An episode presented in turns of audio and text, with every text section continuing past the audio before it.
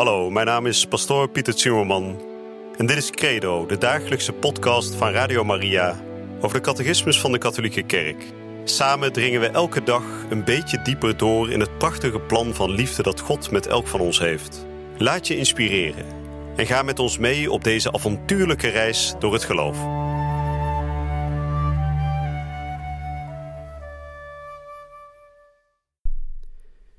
Vrienden, we zijn weer bij u terug met een nieuwe uitzending van Credo.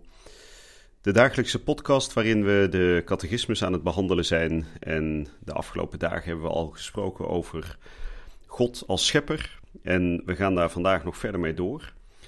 En ja, het wordt eigenlijk steeds interessanter allemaal als je het mij vraagt. Prachtig thema, God die schept. Wat betekent dat?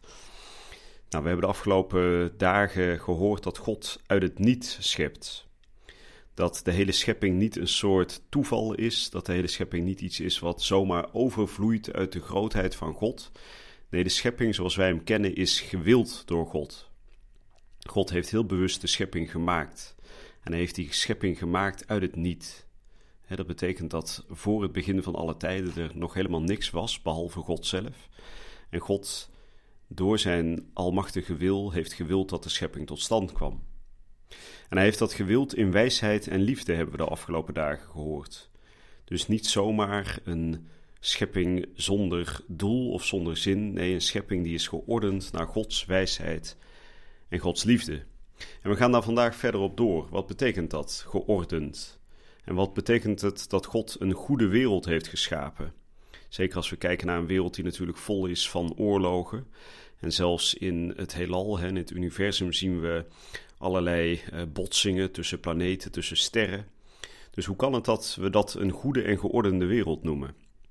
Nou, daar zullen we de komende dagen uitgebreid antwoord op krijgen. Maar we zullen weer zoals gebruikelijk vandaag ook beginnen met gebed. En daarna zal ik gaan behandelen de nummers 299 tot en met 303.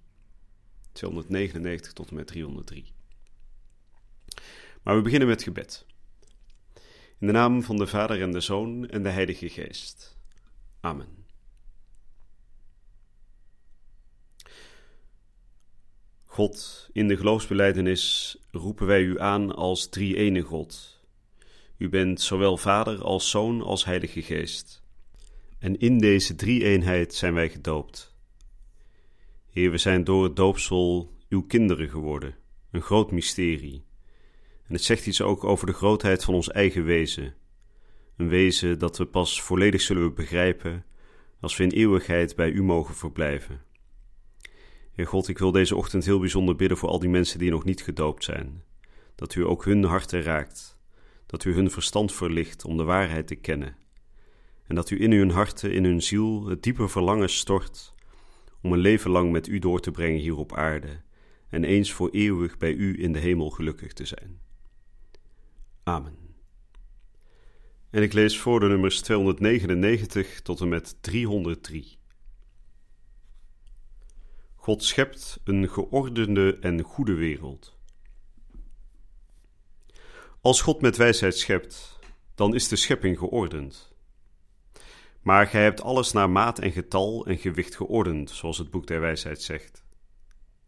Geschapen in en door het woord, door het eeuwig woord, beeld van de onzichtbare God, is ze bestemd voor en gericht op de mens als beeld van God, zelf geroepen tot een persoonlijke band met God.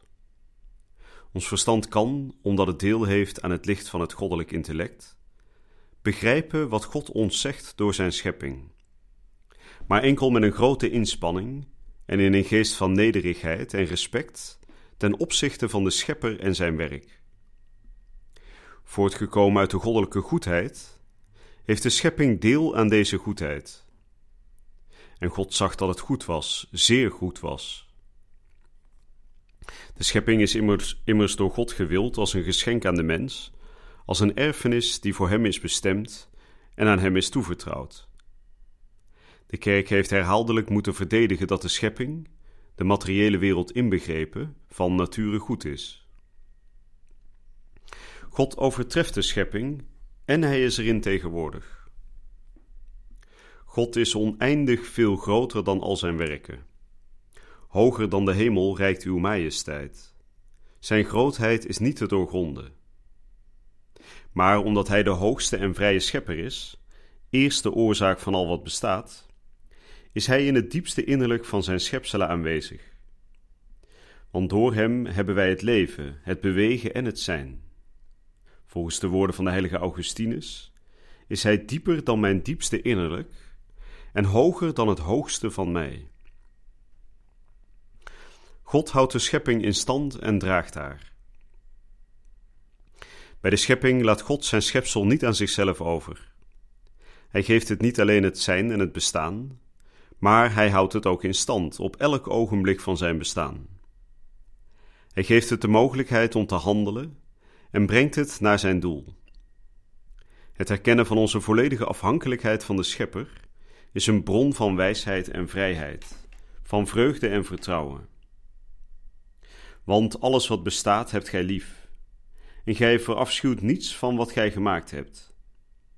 Ja, als gij iets gehaat had, zoudt gij het niet geschapen hebben. En hoe zou iets in stand zijn gebleven als gij het niet gewild had? Of hoe zou iets behouden zijn dat door u niet was geroepen?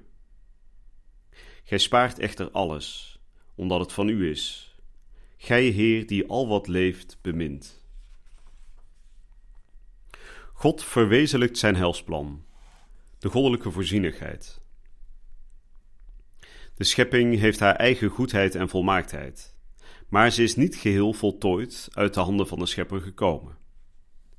Ze is geschapen in een staat van op weg zijn, in het Latijn in statu vie, naar een nog te verwachten uiteindelijke voltooiing, waartoe God haar bestemd heeft.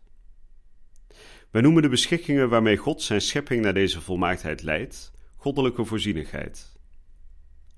God bewaakt en bestuurt in zijn voorzienigheid alles wat hij geschapen heeft, door machtig van het ene einde tot het andere te reiken en alles op voortreffelijke wijze te besturen.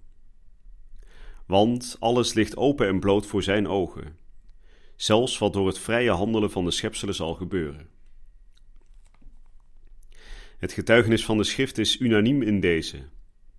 De zorg van de goddelijke voorzienigheid is concreet en onmiddellijk. Zij zorgt voor alles, van de kleinste dingen tot de grote gebeurtenissen in de wereld en de geschiedenis. De schrift bevestigt met klem de absolute soevereiniteit van God in de loop van deze gebeurtenissen. De God van Israël is in de hemel. Hij handelt zoals hij verkiest. En van Christus wordt gezegd: Als hij opent, sluit niemand. En als hij sluit, opent niemand. In het hart van een man gaan veel plannen om, maar wat de Heer besluit, dat komt tot stand. Nou, dat was het laatste nummer. Een paar belangrijke nummers vandaag over God die de wereld schept op een geordende en goede manier. En we hebben net gehoord dat de hele schepping is gericht op de mens. Dat is misschien verbaast ons dat een beetje. We zijn in onze tijd zo bezig met eh, de natuur en met uh, de planeet en de aarde, noem het maar op. Maar het doel van de hele schepping van de wereld, van alles wat er bestaat, is uiteindelijk de mens. De mens als beeld van God. Dus hij heeft alles zo geordend en zo ingericht om het vervolgens aan de mens te kunnen geven. En dan wordt er ook gezegd: God overtreft wel die schepping. Hij is erin tegenwoordig, hij heeft het geschapen. En het is niet zo dat hij het geschapen heeft en er zich vervolgens van heeft teruggetrokken. En dat hij op een, afstand, op een afstandje alleen maar blijft toekijken. Nee, zo is het niet. God heeft zijn schepping gemaakt en blijft er ook actief bij betrokken. En dat is anders dan het beeld van het deïsme bijvoorbeeld. Een deïst zal beweren dat God de wereld wel gemaakt heeft, maar daarna zijn handen van de wereld heeft afgetrokken. Nou, dat geloven we niet. God blijft als liefdevolle vader betrokken op zijn schepping. En hij is er dus in tegenwoordig, maar tegelijkertijd overtreft hij ook zijn schepping. Dus we geloven niet dat God zichzelf volledig heeft uitgestort in zijn schepping en dat hij als het ware zijn schepping zelf geworden is. Dat geloven we niet. Hij blijft verheven boven zijn schepping. En met een moeilijk filosofisch begrip noemen we dat hij is transcendent. Dat betekent hij overstijgt zijn schepping. Hij is groter dan zijn eigen scheppingswerk. Maar tegelijkertijd is die ook immanent. Dat is ook een moeilijk filosofisch begrip. Maar dat betekent hij is er ook in aanwezig. Hè? En dat kan natuurlijk in God bestaan. Hij is het allebei. Hij is degene die groter is dan zijn schepping, maar die toch zijn handtekening in zijn schepping blijft zetten. En we hoorden zojuist dat hij niet alleen zijn handtekening in die schepping heeft gezet, nee, hij houdt haar in stand en hij draagt haar. Dus God, zonder God, hè, zonder God die de schepping blijft dragen, kan de schepping ook niet bestaan. En we hebben gehoord dat wij door die schepping ook God steeds meer kunnen leren kennen. Door die geordendheid van de schepping, we zien dat bijvoorbeeld in de natuurwetten hoe de schepping geordend is, kunnen we ook steeds meer op het spoor komen wie God zelf is. Maar, zegt de catechismus, we moeten dat altijd wel doen in een geest van nederigheid. Als we niet eerst erkennen dat we nederig moeten staan ten opzichte van God, zullen we ook nooit zijn geheim ontdekken. En dat geldt dus zelfs voor de natuurwetenschappen. Als wij met een soort overmoedige geest de schepping eh, gaan bekijken, dan zullen we nooit het diepe geheim ervan ontdekken als we onszelf niet in relatie tot God plaatsen en God als schepper erkennen.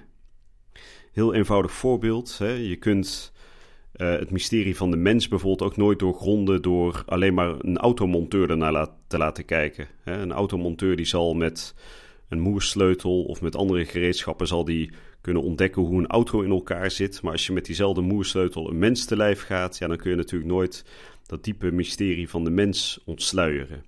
En zo geldt dat voor die schepping van God ook. We moeten wel Hem erkennen en we moeten ook die middelen die Hij ons geeft om Hem te leren ontdekken, om Hem te leren kennen, moeten we ook aangrijpen. Dus zonder God kunnen we nooit Zijn schepping helemaal begrijpen. dus een atheïstische, uh, een atheïstische filosoof of een atheïstische wetenschapper zal nooit het volledige geheim van zijn eigen wetenschap kunnen ontdekken. Ik hoop dat u begrijpt een beetje wat ik daarmee probeer te zeggen. Nou, tot slot, want we gaan alweer over de tijd heen. Hoe stuurt God zijn schepping? Hoe brengt hij die schepping tot voltooiing? Want die schepping is nog op weg. Dat doet hij door zijn goddelijke voorzienigheid. Dus God ziet alles, van de allergrootste processen die er in, het heelal gaande zijn, tot de allerkleinste details. Zoals Jezus ook zegt in het Evangelie: zelfs de haren op uw hoofd zijn geteld. Dus hij kent van ons allemaal de hoeveelheid haren op ons hoofd, zelfs letterlijk.